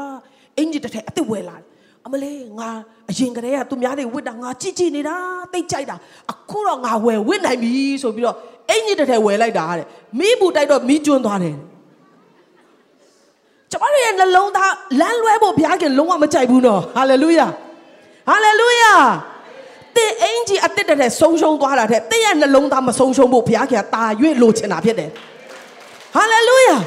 ဟာငါတို့အသင်းတော်လူများပြီဟဲ့ငါတို့အသင်းတော်ပျော်စရာပဲငါတို့ကအာကြီးပြီဆိုတော့မကောင်းတဲ့နှလုံးသားဝင်လာပြီဆိုတော့လူများချင်းကလည်းကောင်းကြီးမဖြစ်တော့ဘူး ဒါပေမဲ့လူတယောက်ဒီဝိညာဉ်တစ်လုံးဖြစ်တယ်ဆက်ကြောက်လာထက်ပို့ပြီးတော့တန်ဖိုးရှိတယ်အပြင်မှာမရောက်မနဲ့ဘုရားเจ้าမှာရောက်လာတာဘလောက်ဝမ်းသာစရာကောင်းလဲဆိုတဲ့နှလုံးသားနဲ့ဆိုရင်တော့ရှန်ထွက်ပါစေအဲ့ဒါကမင်္ဂလာဖြစ်တယ်ဟာလေလုယာဟာလေလုယာလူနေချင်းများချင်းကမင်္ဂလာအမင်္ဂလာမဟုတ်ဘဲနဲ့သဘောထားကပဲအမြဲတမ်းရေးကြည့်တာဖြစ်တယ်ဟာလေလုယာတချို့သောသူတွေတင်းရဲ့နှလုံးသားကိုဘုရားခင်အခုချိန်မှာဝိညာဉ်တော်ကပြုစုနေပြီဖြစ်တယ်နော် အမြင့်ဆုံးသောဘုရားကတင်းရဲ့နှလုံးသားထဲမှာကျင်းဝတ်ဖို့ရန်အတွက်ဝိညာဉ်တော်ကတင်းကိုပြုပြင်နေပြီဖြစ်တယ်ဟာလေလုယာဆိုတော့အဲ့ဒီချိန်မှာဖြစ်ချင်တော့ဥရိယကမိမိအိမ်တို့မသွားပဲမိမိအရှင်ကြီးကျုံအပေါင်းတို့နဲ့အတူနန်းတော်တကားဝါ၌အိတ်လေ၏ကဲဖခင်ရဲ့စိတ်တော်နဲ့တွေ့တော်သူလို့တစ်ချိန်လုံးကျွန်တော်တို့ချီးမြှောက်ရတဲ့ဒါဝိဒ်ကတော့ဒီမှာယိုယွင်းနေပြီဟိုမှာဘာမှနော်တခြားကျမ်းစာဘယ်နေရာမှာမှတိတ်မပါတဲ့ဒီတခန်းလောက်ပဲပါရတဲ့ပုံကိုကတော့နော် အမှုတော်ဆောင်လည်းမဟုတ်ဘူးရှင်ဘရင်လည်းမဟုတ်ဘူးစစ်သားပဲဖြစ်ပေမဲ့သူကနှလုံးသားမတမှန်ကန်တဲ့ခါမှာမသွားရှာဘူးနော်အဲ့ဒီနန်းတော်ရဲ့တကားဝမှာပဲသူကသူ့ရဲ့တငယ်ချင်းတွေနဲ့သူ့ရဲ့ပေါက်ဖော်တွေနဲ့သူကအိတ်တယ်တချို့သောသူတွေကနော်လူမသိသူမသိတစ္ဆာရှိနေသောသူတချို့ရှိတယ်တချို့သောသူတွေကတော့အထင်ကြီးစရာလိုလိုဖြစ်ပေမဲ့နှလုံးသားယိုယွင်းနေသောသူတွေလည်းရှိတတ်တယ်ဒါကကျမတို့တယောက်နဲ့တယောက်စီရင်ဖို့မဟုတ်ဘူးဖျားစီရင်လိုက်မယ် ပြီးရင်ကျမတို့ကိုယ်တိုင်ကိုယ့်ကိုယ်ကိုအမြဲတမ်းစစ်ဆေးဖို့ပဲလိုအပ်တာဖြစ်တယ်သူများနှလုံးသားတင်ဝင်စစ်ဆေးလို့မရဘူးကိုယ့်ရဲ့နှလုံးသားကိုယ်ကိုအမြဲတမ်းစစ်ဆေးရအောင်အဲ့ဒါနဲ့ပဲနေ့တိုင်းအလုပ်ရှုပ်ရအောင်ဟာလေလုယာဒီနေ့ကိုတော့ကြွလာမယ်ငါရဲ့နှလုံးသားအခြေအနေဘယ်လိုရှိသလဲနော်ကျမလူတယောက်ကိုပြုံးပြနှုတ်ဆက်တဲ့ခါမှာငါဘာကြောင့်သူ့ကိုပြုံးပြလိုက်တာလဲနော် ငါဘယ်လိုနှလုံးသားနဲ့ငါသူ့ကိုကြိုဆိုနှုတ်ဆက်တယ်လဲအမြဲတမ်းကိုယ့်ကိုစမ်းစစ်မယ်ဆိုရင်ကျမတို့ကလေမနာလိုဖို့အချိန်လည်းမရှိတော့ဘူးနော်စိတ်ပြတ်ဖို့အချိန်လည်းမရှိတော့ဘူးတစ်ချိန်လုံးကျမတို့ကထိုရာနဲ့အလုပ်ရှုပ်နေမှာဖြစ်တယ်ဆိုတော့ဥရိယဒီမိမိအိမ်ကိုမသွားချောင်းကိုနားတော့ရှောက်လင်ဒါဝိတ်ကတင်ဒီခရီးသွားရမှရောက်လာသည်မဟုတ်လောတင်အိမ်တို့အဘယ်ကြောင့်မသွားပဲနေသနည်းဟုဥရိယကိုမေးတော်တဲ့ဒါဝိတ်ခမပြရခတ်နေတာနော်ဟိုကလည်းမကြခင်ပေါ်လာတော့မယ်လေနော်အချိန်ကတိတ်ဆောင်လို့မရတော့ မျိုးစေ့ကြပြီဆိုရင်ကဖွားကိုဖွားလာတော့မှာဆိုတော့ဟာဥရိယရဲ့နင်ကခြေတန်းကနေအခုပဲပြန်လာတာလေမပင်ပန်းဘူးလားအိမ်ပြန်ပါအိုးစေတနာကောင်းလိုက်တာနော်အိမ်ပြန်ပါနားပါနော် ရှင်ဘယေရဲ့ခွင့်ပြုချက်ဒါပေမဲ့ဟိုကလည်းလုံးဝသူကတမာတမတ်ကြဆိုအကောင်းဆုံးအသက်ရှင်တဲ့ပုံကိုဖြစ်တဲ့ခါမှာဘာပြောလဲဥရိယကတစ်တာတော်နဲ့ဣတေလအမျိုးယူရအမျိုးသားတို့သည်တဲ၌နေကြပါ၏သခင်ရွာဘနှင့်သခင်ဤဂျုံများတို့သည်လွင်ပြင်၌တဲရကြပါ၏ကျွန်တော်ဒီကိုအိမ်တို့သွား၍စားတောက်လျက်မယားနဲ့ပျော်မွေ့လျက်နေသင့်ပါမီလောကိုတော်အသက်ရှင်တော်မူသည့်အတိုင်းထို့တို့ကျွန်တော်မပြုတ်ပါဟုဒါဝိဒ်အားလျှောက်လေ၏တဲ့ကဲ မသွားပြန်ဘူးနော်ဒါဝိဒ်ကလည်းဤမျိုး၌ယနေ့နေအောင်လောနက်ဖြန်နေ့ငါလွတ်လိုက်မည်ဟုမိန့်တော်မူသည့်တိုင်ဥရိယသည်ထိုနေ့နက်ဖြန်နေ့ယေရုရှလင်မြို့၌နေလေ၏ဒါဝိဒ်သည်လည်းဥရိယကိုခေါ်၍ရှေ့တော်၌စားတောက်လျက်ရစ်မူးသည့်တိုင်အောင်တောက်ရ၏အာနန်းတော်ထဲကိုခေါ်ရှင်မေစားတဲ့ဇပွဲမှာထိုင်ခိုင်းအာတခါလေရစ်မူးစေတတ်တဲ့စပြည့်တွေအကြီးကျယ်တိုက်တာနော်ဒါပေမဲ့အဲ့ဒီအချိန်မှတောင်မှဟိုတယောက်ကအရန်ကိုတစ္ဆာရှိတာလုံးဝအိမ်မပြန်ဘူးနော်ဆိုတော့ဒါဝိဒ်လည်းတော်တော်တော့အကြက်ရိုက်သွားတာပေါ့လေ ညဦးမှာမိမိအိမ်တို့မသွားပဲအရှင်ကြီးဂျုံတို့နဲ့တူအိတ်ချင်းငါထွက်သွားလေ၏နောက်ဆုံးကြတော့ဘာမှလုပ်လို့မရတော့တဲ့ခါမှာနောက်ဆုံးလက်နက်ကိုသူထုတ်သုံးတယ်ဒါဝိဒ်ကမာစာကိုရေးပေးလိုက်တယ်ဥရိယလက်တို့လက်ထဲမှာရွာဘကိုပေးလိုက်ဖို့ရအတွက်စာရေးပေးလိုက်တယ်ကဲဘယ်လောက်တနာစရာကောင်းလဲတစ္ဆာရှိစွာနဲ့အသက်ရှင်ပေမဲ့သူ့ကိုတတ်မဲ့စာကိုသူ့ကိုယ်တိုင်ကလက်နဲ့ယူသွားပြီးတော့သူ့ရဲ့ဆရာစီမှာ ရွာဘစီမှာသွားပေးတယ်စာမှာဘာပါလဲဆိုတော့ကြက်တဲစွာစစ်တပ်ရာတပ်ဦး၌ဥရိယကိုခံထားပြီးမှသူဒီရန်သူလက်တို့ရောက်၍တေစေခြင်းကတပ်များကိုရုပ်သိမ်းလောကဲအင်မတန်ကြမ်းတမ်းတဲ့လွတ်လပ်မရှိတဲ့စစ်မြေပြင်ကိုသူ့ကိုတွားခိုင်းတဲ့တွားပြီးပြီးရန်သူလက်ထဲကိုရောက်ပြီဆိုရင်မကူညီတဲ့တပ်တွေအကုန်လုံးကိုပြန်ရုပ်တဲ့အဲ့ဒီမှာတေပါစေတဲ့ကဲထာဝရဘုရားရဲ့စိတ်တော်နဲ့တွေ့တော်သူဒါဝိဒ်ရဲ့နှလုံးသားတော်အဲ့လောက်ယိုယွင်းနေဆိုရင် ကျမတို့ရဲ့နှလုံးသားတွေဘယ်လိုနေမလဲနော်ဖျားเจ้าထဲမှာဒါခက်တီတီနဲ့ထိုင်ကြတာကျမတို့ရဲ့နှလုံးသားအခြေအနေတွေကိုတကယ်တမ်းမြင်မယ်ဆိုရင်တော့ထိုင်ရဲစရာတော့မရှိဘူးနော်ပုတ်လိုက်တဲ့စိတ်တွေယုတ်လိုက်တဲ့စိတ်တွေနော်နာကျင်ခြင်းတွေရောအာအခဲမကျေခြင်းတွေရောခွင့်မလွတ်ခြင်းတွေရောယေရှုမပြောနဲ့ကျမတော်လာလဲခြင်းမှာမဟုတ်ဘူးနော်တကယ်သိတယ်ဆိုရင်လေမိတ်ဆွေလည်းကျမအိမ်ကိုလာလဲခြင်းမှာမဟုတ်ဒါကြောင့်မလို့ ကျမတို့ရဲ့နှလုံးသားတွေကိုတဲ့နော်အမြင့်ဆုံးသောဘုရားကကြွဝင်လာမှာဖြစ်တဲ့အတွက်ပြင်ဆင်ကြပါပြင်ဆင်ကြပါလို့ပြောတယ်ဟာလေလုယာဒီနေ့ခရစ်မတ်မှာပြင်ဆင်သောနှစ်ဖြစ်စေရအောင်ခရစ်တော်ကြွလာတဲ့အခါမှာဒီအိမ်ကမွေးချိုင်နေတာပဲဒီအခန်းကတန့်ရှင်းနေတာပဲငါပြန်ထွက်ခွာလို့မဖြစ်ဘူးဒီမှာငါအမြဲတမ်းနေမယ်သူတို့နဲ့ငါမွေ့လျော်မယ်ပေါင်းဖော်မယ်ဆိုတဲ့နှလုံးသားဖြစ်ဖို့လိုအပ်တယ်ဟာလေလုယာဟာလေလုယာ တင့်ဘေးကလူရဲ့နှလုံးသားအခြေအနေကတင့်ကိုအဆုံးဖြတ်ပေးမှာမဟုတ်တင့်ရဲ့နှလုံးသားအခြေအနေကပဲတင့်ရဲ့ဘဝကိုအဆုံးဖြတ်ပေးသွားမှာဖြစ်တယ်အားငယ်ချင်းလာတဲ့ခါမှာဖယားဒီငါနဲ့တူရှိတဲ့အတွက်ငါကအားငယ်စရာအကြောင်းမရှိဘူးလို့တခါတည်းကျမတို့ကမောင်းထုတ်ရမယ်ဟာလေလုယာမတိမသားနဲ့မာမာနဝင်လာတဲ့ခါမှာငါမာနကြီးစရာဘာရှိလဲဖယားအားဖြင့်သာလေငါကိုခွန်အားနဲ့ပြည့်စုံစေတော်မူသောခရစ်တော်အားဖြင့်သာငါတက်ဆွမ်းနိုင်တယ်လို့သင်ပြောလိုက်တဲ့ခဏမှာတောင်တွေကပြိုသွားမှာဖြစ်တယ်ဟာလေလုယာ ဟာလေလုယာတင်းရဲ့ဂျိုင်ဝမ်းတဲ့တောင်းတွေကိုအစင်ပြေဆုံးဖြစ်အောင်ချောမွေဆုံးဖြစ်အောင်ပြုစုနိုင်တော်သူဖြစ်ဖို့ဘုရားကောင်းကြီးပေးပါစေ။ဒါလောက်ထိပြင်ဆင်မှတော့သေပြီဗော။ဥမာနော်ဥရိယကသေသွားပြီ။တည်င်းပြန်ပြောတဲ့ခါမှာနော်တခါတည်းမာလိုက်တယ်ရွာဘကရှင်မင်းကိုသွားပြောတဲ့သွားပြောဟာငါတို့ရှေ့တန်းမှာရှုံးသွားပြီဘာညာပြောတဲ့ခါမှာဘယင်ကအရန်စိတ်ဆိုးလာပြီဆိုရင်တဲ့နော်ရှင်ဘယင်ကြီးဥရိယသေသွားပြီလို့သာပြောလိုက်တဲ့တခါတည်းညင်သွားလိမ့်မယ်။အကွက်နဲ့နော်ဆိုတော့ အကွက်တွေသုံးတတ်တဲ့အဖွဲ့တွေသတိထားရအောင်ငါဒီဘက်ကနေပြောလိုက်မယ်ကောင်းတယ်လို့လို့နဲ့ဟိုဘက်မှာတော့လုံးဝအထိနာစေရမယ်နော်ဒါမျိုးအကွက်တွေကျမတို့ရှောက်သုံးလို့မရဘူးရိုးသားစွာနော်ကြမ်းတမ်းသောအရာတွေကောက်ကွေ့သောအရာတွေကျမတို့ဖယ်ရှားရအောင်ဟာလေလုယာတချို့တွေကကောက်လုံးအားကြီးလို့ကြည်ရင်ဖြောင်းတယ်လို့လို့တော့ထင်ရတယ်နော်ဟန်ဆောင်တာတော်လွန်းလို့ဆိုတော့ ဒီကောက်နေတဲ့အရာတွေကြမ်းတမ်းသောအရာတွေတောင်းနေကြိုက်ဝမ်းနေအကုန်လုံးပြင်ဆင်ဖို့ရအတွက်ကဒါဝိရဲ့တက်တာကကျမကိုများစွာစကားပြောတယ်ဆိုတော့လာပြီအာကျွန်တော်တို့စစ်ရှုံးသွားတယ်ရှင်မီမျက်နှာပြက်ရင်ပြက်သွားမှာပေါ့ဥရိယတေပြီဆိုတဲ့ခါဟာမပူနဲ့မပူနဲ့တဲ့စစ်ဆိုတာရှုံးတတ်တာပဲတဲ့နော်ဒါဝိအရန်တော်တယ်နော်စစ်ဆိုတာရှုံးတတ်တာပဲဘာမှစိတ်မပူနဲ့တဲ့ကဲဒီမှာဘာဘာပြောလဲဆိုတော့ဒါဝိကလည်းအေးမှုကြောင့်စိတ်မပြတ်နဲ့တိုက်ပွဲမှာတယောက်တက်လက်တည်တတ်ပါတယ်တဲ့အမေ နှစ်သိမ့်တာသူ့လူတွေကိုနော်လုံးဝရံမတွေ့ဘူးအပြစ်မတင်ဘူးနော်စုပါချချင်တာ तू ကနော်စစ်ပွဲဆိုတာတယောက်တက်လက်သေးတာပဲအာယူ၍မြို့ကိုချက်တဲဆိုတာတိုက်လေလောက်ကြံတိုက်ဖြတ်ကြပါလို့ तू ကကောင်းသောစကားနဲ့မှားလိုက်တယ်ဒါနဲ့ခုနကကျွန်တော်တို့ပြောတဲ့ဥရိယရဲ့မယားကတော့ဟာငါယောက်ျားတည်ပြီရှေ့တန်းမှာ तू ကမသိရှာဘူးနော်ငိုကြွေးလက်နေတယ်ငိုကြွေးရအချိန်မိတန်းရအချိန်ကုန်သွားတဲ့ခါမှာဖခင်က ဒါဝိတ်ကသူ့ကိုပြန်ပြီးတော့မိဖုရားနေရာမှာချီးမြှောက်တယ်ကျမ်းစာကဘာပြောလဲဆိုတော့တို့ရတွင်ဒါဝိတ်ပြုသောအမှုသည်ထာဝရဘုရားရှိတော်၌သိုးသောအမှုဖြစ်သည်ယောက်ျားတည်ရင်တော့တိမ့်ပိုက်ခွင့်ရှိတယ်သူလောက်တာကမှန်တယ်သို့တော်လဲသူကထာဝရဘုရားရှေ့မှာအလွန်ဆိုးသောအမှုကိုပြုတော်သူဖြစ်တယ်ဒါနဲ့ prophet Nathan ကိုဘုရားကလွတ်လိုက်တယ်သူကဇလန်းလေးတစ်ပုဒ်ကိုတင်ပြတယ်ရှင်မင်းကြီး ဇလန်းလေးကဒီလိုရှိပါတယ်မိုးဆိုးမကဘာမှမရှိရှာဘူးသူရှိသမျှလေးနဲ့ပေါင်နဲ့ရောင်းချပြီးတော့တော့ဝယ်ထားတဲ့သိုးလေးတစ်ကောင်ရှိတယ်အာတယောက်တထဲမှာတော့သိုးတွေအများကြီးရှိတယ်တစ်ချိန်မှာတထဲအိမ်ကိုဧည့်သည်လာတဲ့ခါမှာသူ့ရဲ့သိုးတွေကိုတတ်ပြီးတော့ကျွေးဖို့နှမျောတဲ့အတွက်အဲ့ဒီဘာမှမရှိတဲ့မုတ်ဆိုးမစီကတကောင်တည်းသောအကောင်လေးကိုယူပြီးတော့တတ်ပြီးတော့ကျွေးလိုက်တယ်ဒါဝိတ်ကအလွန်ဒေါသထွက်တယ်တဲ့အမေတခါတလေမှာတော့ကျမတို့ကိုကိုကိုမမြင်တတ်ဘူးနော်ဝိညာဉ်တော်ကဖွင့်ပြမှသာလေကျမတို့ကကိုကိုကိုမြင်တတ်တာဖြစ်တယ် ဒီနေ့သင်ဘဝကောင်းစားဖို့တည့်ရဲ့နှလုံးသားကောင်းစားမှအဆင်ပြေမှာဆိုတော့နှလုံးသားအခြေအနေကိုဝိညာဉ်တော်ဘုရားကဖွင့်ပြလို့ရတော့တတ်တာဖြစ်ဖို့လည်းဘုရားကောင်းချီးပေးပါစေဟာလေလုယာ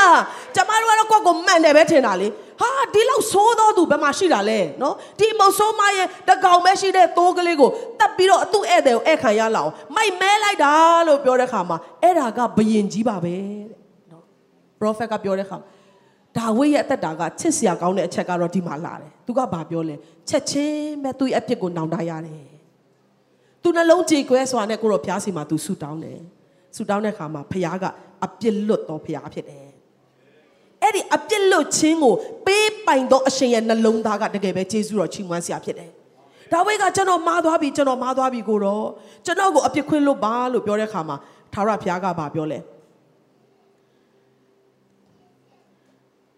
ဒါဝိဒ်ကလည်းငါသည်ထာဝရဘုရားကိုပြစ်မှားပါပြီဟုနာသန်အားဝင်ချ၍နာသန်ကအသက်တော်ကိုချမ်းသာစေခြင်းကထာဝရဘုရားသည်ကိုတော်အပြစ်ကိုပယ်တော်မူပြီဟာလေလုယာဒါဝိဒ်ထက်တောင်မှပို့ပြီးတော့ဆိုးဝါးတဲ့နှလုံးသားအခြေအနေရှိတဲ့ကျွန်တော်တို့ရဲ့အပြစ်တွေနှစ်ချင်းဆရာယောဟန်ပြောသလိုပဲနောင်တရပြီးတော့အပြစ်ကိုဝင်ချမယ်ဆိုရင်ဘုရားကအပြစ်လွတ်တော်ဘုရားဖြစ်တယ်သူ့ရဲ့နာမကယေရှုလို့ခေါ်တယ်အပြစ်ကနေကယ်ချွတ်တော်ဘုရားရဲ့နာမဖြစ်တယ်ဟာလေလုယာ ဟာလေလုယာခုနကကျွန်မတို့ဒါဝိဒ်အကြောင်းဖတ်နေရင်ဟာငါနှလုံးသားကဒါဝိဒ်ထက်ဆိုးလိုက်တာငါနှလုံးသားကဟန်ဆောင်ကောင်းတယ်လို့တာပဲကြိုင်ဝမ်းတွေကလည်းပေါ်လိုက်တာတောင်တွေကလည်းမြင့်လိုက်တာကောက်ကွေ့လိုက်တာလည်းလွန်ပါရောပြောနေရင်လည်းပဲကိုယ့်ရဲ့အပြစ်ကိုကျွန်မတို့နားလဲတယ်ဆိုရင်ကိုတော့ဖယားကျွန်တော်ပြစ်မှားတော်သူဖြစ်တယ်ကျွန်တော်ရဲ့အပြစ်တွေကိုလွတ်ပါလို့ဆုတောင်းတယ်ဆိုရင်တော့ထိုဖယားသည်အပြစ်ကိုလွတ်တော်ဖယားဖြစ်တယ် ဒါကြောင့်နောင်တနဲ့တိုးဝင်ချင်းကပ်တော်သူတိုင်းကိုမငင်းသောဘုရားကယနေ့ကြွလာသောယေရှုလို့ခေါ်သောအပြစ်ကနေကယ်ချွတ်ပိုင်သောဘုရားဖြစ်ပါတယ်။ဒါကြောင့်ကျွန်မတို့ကတော့ယေရှုခရစ်တော်ဘုရားလောကမှာကြွလာပြီးမွေးဖွားဖို့ရန်အတွက်ဖြစ်တဲ့အခါမှာမာရိကလိုက်ပြီးတော့သွားတယ်ယောသန်နဲ့အာတဲခိုကနေအားသလားမအားပါဘူးတဲခိုကနေအားသလားလူတွေပြည့်နေပါပြီဒါပေမဲ့နောက်ဆုံးမှာဘယ်နေရာမှာမွေးဖွားလဲအဖြစ်ပြက်တိုင်းဟာတိုက်ဆိုင်မှုမဟုတ်ဘူးနွားတင်းကုတ်မှာခရစ်တော်မွေးဖွားလာတယ်နွားတင်းကုတ်ဆိုတာမတန့်ရှင်းပါဘူး နွားတင်းကုတ်ဆိုတာပကာသနာမရှိပါဘူးနွားတင်းကုတ်ဆိုတာကလူတွေမွေးဖို့ရအတွက်ပြင်ဆင်ထားသောနေရာမဟုတ်ပါသို့တော်လဲအဲ့ဒီနေရာမှာပင်လေကြိုးဆိုတယ်ဆိုရင်လက်ခံတယ်ဆိုရင်နော်ဒီနေရာမှာမွေးလို့ရပါတယ်လို့ပြောတဲ့အဲ့ဒီနွားတင်းကုတ်ထဲမှာမငင်းမဲနဲ့ဖွားမြင်တော်မူသောခရစ်တော်ဖြစ်တယ်ဒီနေ့တင်းတင်းရဲ့နှလုံးသားကျမရဲ့နှလုံးသားကနွားတင်းကုတ်ထက်တောင်မှပို့ပြီးတော့ညစ်ပတ်မှာပါနော် ပို့ပြီးတော့တဲခိုခြင်းစရာမကောင်းသောအရက်ဖြစ်မှာပါသို့တော်လဲကိုရောကျွန်တော်ကတော့အပြစ်များတော်သူဖြစ်တယ်ကျွန်တော်ကတော့မထိုက်တန်တော်သူဖြစ်တယ်အမျက်ဆုံးသောဘုရားမွေးဖွားလာဖို့ရန်ဆိုတာကနန်းတော်တွေမှာပဲဖြစ်တဲ့တယ်ဒါပေမဲ့ကျွန်တော်ရဲ့နှလုံးသားလေးကနေရာရှိပါတယ်ကိုတော့ကြွလာပါအကောင်းဆုံးကျွန်တော်တတ်နိုင်သမျှပြင်ဆင်ထားပါတယ်တဲ့မှတ်ထားပါတယ်လို့သင်ခေါ်ရဆိုရင်တော့ခရစ်တော်ကဒီနှစ်မှာသင်ရဲ့နှလုံးသားထဲမှာအသက်တပံဖွားမြင်မှာဖြစ်တယ်ဟာလေလုယာ ဟာလေလုယာနောက်ဆုံးအနေနဲ့ကျွန်မခွန်အားရတဲ့အရာကဘာလဲဆိုတော့ခုနကဖတ်တဲ့ဟေရှာယမှာရောလုကာမှာရောအဆုံးမှာဘာပြောတယ်လဲဆိုရင်ဟေရှာယကထာဝရဘုရား၏ဘုန်းတော်ပေါ်ထွန်း၍လူအပေါင်းတို့သည်အတူမြင်ရကြလက်တံရှင်လုကာထဲမှာလူအပေါင်းတို့သည်ဘုရားသခင်ကဲတင်တော်မူခြင်းအကြောင်းကိုမြင်ရကြလက်တံ ကိုယ့်ရဲ့နှလုံးသားကိုပြင်ဆင်ထားသောတောင်းတွေကိုဖြိုထားသောကောက်သောလမ်းတွေကိုဖြောင့်စေသောခြိုင်ဝမ်းတွေကိုဖို့သောအသက်တာဖြစ်တယ်ဆိုရင်တဲ့အဲ့ဒီအသက်တာအဖြစ်ဘုရားရဲ့ဘုန်းတော်ထင်ရှားမယ်အဲ့ဒီအသက်တာအဖြစ်ဘုရားရဲ့ကဲတင်တော်မူခြင်းကိုလူတွေကသိမြင်ရမှာဖြစ်တယ်ဒါကြောင့်ကျွန်တော်တို့ဒီနေ့လူတိုင်းကခရစ်တော်ကိုကြိုဆိုခွင့်ရှိတာဖြစ်တယ်။လူတိုင်းကခရစ်တော်ကိုလက်ခံခွင့်ရှိတာဖြစ်တယ်။အပြစ်ဘယ်လောက်များပါစေ။ဟာလေလုယာ။ ဒါဝိတ်ကတင်းတဲ့တော့အပြစ်ပို့ပြီးတော့မများနိုင်ပါဘူးနော်။ဒါဝိတ်ကအင်မတန်မှအပြစ်ပြုတ်တော်သူဖြစ်တယ်။ခုနကကျွန်တော်တို့ဖတ်တဲ့ဟာတွေကြည့်မယ်ဆိုယိုရှာစရာသိတ်ကောင်းတယ်နော်။ဒီမိန်းမတယောက်ကိုလိုချင်လို့ယောက်ျားကိုတပ်ပစ်လိုက်တယ်။မကောင်းတဲ့ຢာတွေအားလုံးကိုခွင့်ပြုတယ်။သို့တော်လဲထိုဒါဝိတ်ရဲ့အပြစ်ကိုလည်းခွင့်လွှတ်တော်ဖရားဖြစ်တယ်။ယနေ့ဗိမာန်တော်ထဲမှာရှိနေတော်သူ online ကနေကြည့်နေတော့သူတင်းရဲ့နှလုံးသားအခြေအနေအမှန်ကိုသင်ကိုယ်တိုင်ဝိညာဉ်တော်ဘုရားရဲ့မဆာခြင်းအဖြစ်ပြန်လဲကြည့်တဲ့အခါမှာ ကိုယ်တော်မပြောနဲ့ကိုကိုကိုတော်မှယွန်ရှာတော်သူဖြစ်ကောင်းဖြစ်လိမ့်မယ်ဒါပေမဲ့ယေရှုတည်းဟူသောအပြစ်ကနေကယ်ချွတ်သောဘုရားသခင်သည်ယနေ့တင့်စီကိုကြွလာပြီတင်းရဲ့နှလုံးသားတကားကိုခောက်နေတယ်ကျမတို့ဘာလုပ်ရမလဲကိုရောကျမကကောက်တော်သူဖြစ်တယ်ကျမကတောင်းနေတဲ့ပြည့်နေသောနှလုံးသားဖြစ်တယ်ကျမကတော့ကြိုက်ဝမ်းနေတဲ့ပြည့်နေသောနှလုံးသားဖြစ်တယ်ယနေ့နှုတ်ကပတ်တော်အားဖြင့်ဖြိုစရာရှိတာတွေကိုဖြိုပေးပါဝိညာဉ်တော်ဖျားမဆာလက်ကြိုက်ဝမ်းတွေကိုကိုတော်ဖြစ်ပေးပါ ကောက်နေတဲ့အရာတွေကိုဖြောင်းစေပါကြမ်းတမ်းသောအရာတွေကိုကိုတော်ပြုတ်ပြင်ပေးပါဒီနွားတင်းကုတ်လိုမျိုးအသက်တာလေးထဲမှာပဲကိုတော်ကြွလာပါလို့တင်တကယ်ပဲဆန္ဒရှိစွာနောင်တနဲ့တိုးဝင်ခြင်းကတ်တယ်ဆိုရင်ယနေ့ပင်ခရစ်တော်ကတင့်စီကိုကြွလာပြီဖြစ်တယ်ဟာလေလုယာဖျားရှင်နာမကပါဆက်ဆက်ဘုန်းကြီးရဲ့မင်္ဂလာရှိပါစေ